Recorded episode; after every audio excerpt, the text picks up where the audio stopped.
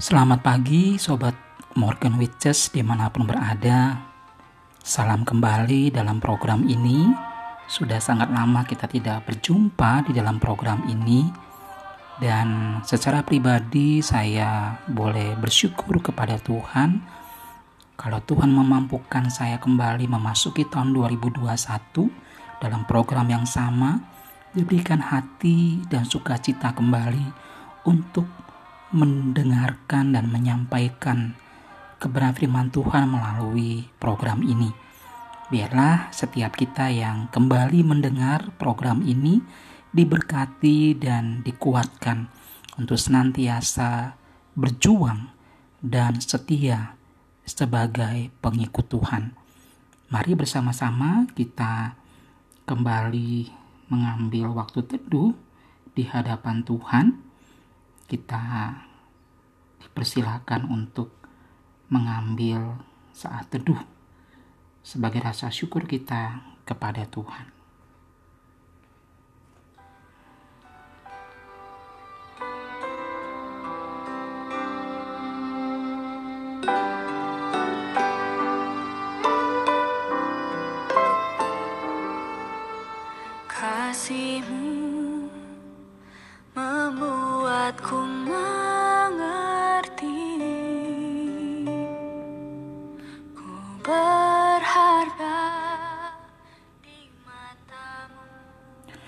Sobat turunan Sobat Morgan Witches di mana pun berada Pagi ini kita akan membaca bagian firman Tuhan Yang diambil dari perjanjian baru Lebih tepatnya dari 1 Yohanes pasal 2 ayat 28 hingga 29 1 Yohanes pasal 2 ayat 28 hingga 29 Sobat Morgan Witches, kalau di awal tadi kita mendengar ada satu kidung pujian yang terambil dari kidung jemaat nomor 356 dengan judul lagu Tinggallah dalam Yesus. Sobatku, dalam liriknya dikatakan demikian. Tinggallah dalam Yesus, jadilah muridnya, belajarlah firman Tuhan, taat kepadanya. Tinggallah dalam Yesus. Andalkan kuasanya, dialah pokok yang benar, kitalah rantingnya. Sobat Ronan yang kasih Tuhan, lirik lagu ini hendak mengajak kita sebagai orang percaya untuk tetap tinggal di dalam Yesus. Alasannya mengapa? Karena hanya dengan tetap tinggal dalam Yesus, sebagai orang percaya, kita akan dimampukan untuk melakukan apa pun secara benar dan berani terhadap sesama, terlebih kepada Tuhan. Sobat Morgan Witches, ada yang bertanya demikian. Mungkinkah kita sebagai manusia baru dalam Kristus masih mampu untuk mentaati perintah Allah di tengah-tengah kondisi zaman ini. Misalkan, perintah hidup dalam roh dalam Galatia 5 ayat 16. Lalu perintah kasihilah musuhmu.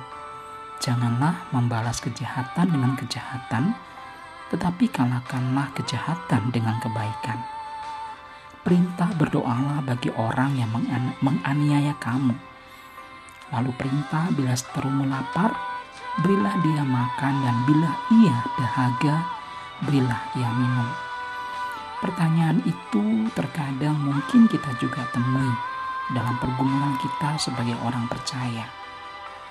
Namun, jawaban yang saya berikan adalah bukan hanya mungkin, tetapi manusia yang sudah dilahirkan di dalam Kristus pasti bisa melakukannya.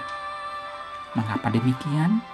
Karena saudara dan saya sudah dimerdekakan di dalam Kristus dari kuasa dosa dan diberinya puasa kepada kita untuk menjadi anak-anak Allah. Sobat Runani kasih Tuhan, dalam surat Rasul Yohanes atau 1 Yohanes pasal 2 ayat 28 sampai 29 sang rasul menegaskan agar setiap kita pada saat itu sungguh-sungguh tinggal di dalam Kristus. Mungkin sobatku masih ingat dari Yohanes pasal 15 ayat yang kelima. Dikatakan bahwa akulah pokok anggur yang benar.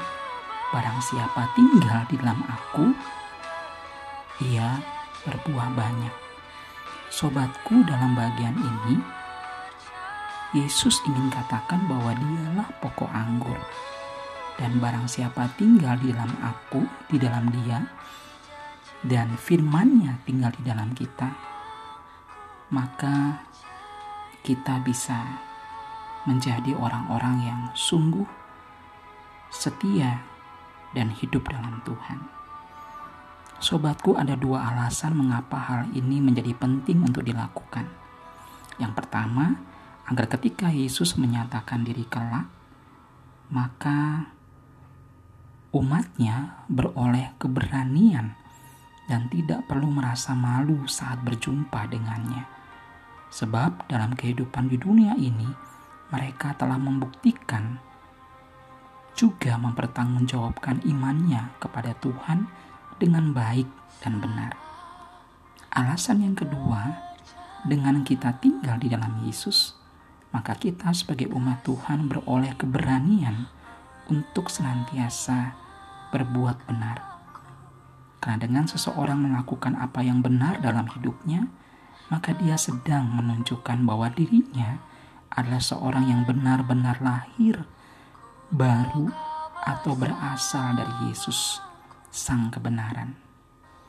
Sobat, Morgan Witches, tinggal di dalam Tuhan berarti kita hidup di bawah naungan kasihnya dan melekat dengan firman-Nya. Kita mengerti apa yang menjadi kehendaknya dan dimampukan untuk melakukannya. Itu berarti dalam seluruh keberadaan, baik di rumah maupun di sekolah dan di mana pun kita berada, di tengah-tengah pergaulan sekalipun, kita akan selalu yakin dan berani melakukan perintah firman Tuhan. Kita akan menjauhi dan meninggalkan segala yang jahat. Sebaliknya, kita selalu suka melakukan apa yang menjadi kehendak Tuhan. Hari ini, mari saudara dan saya memiliki komitmen yang sungguh-sungguh untuk berjuang melakukan apa yang benar di hadapan Tuhan dan terus berjuang untuk menyatakan kebaikan Tuhan karena dialah dialah Allah sang penolong yang setia. Dan dialah firman Tuhan pagi ini menolong setiap kita, memampukan setiap kita untuk terus menyatakan kebaikannya dan menyatakan kebenarannya melalui kesaksian hidup kita. Amin. Mari kita berdoa. Tuhan Yesus, di tengah gempuran orang yang melakukan ketidakbenaran dalam hidup ini, Tolong mampukanlah aku untuk terus berani berbuat benar sebagai tanda bahwa diriku adalah murid yang tinggal di dalammu. Terpujilah engkau, ya Tuhan, di dalam nama Tuhan kami Yesus Kristus. Aku berdoa dan bersyukur untuk kebenaranmu yang telah aku dengar dan baca. Amin.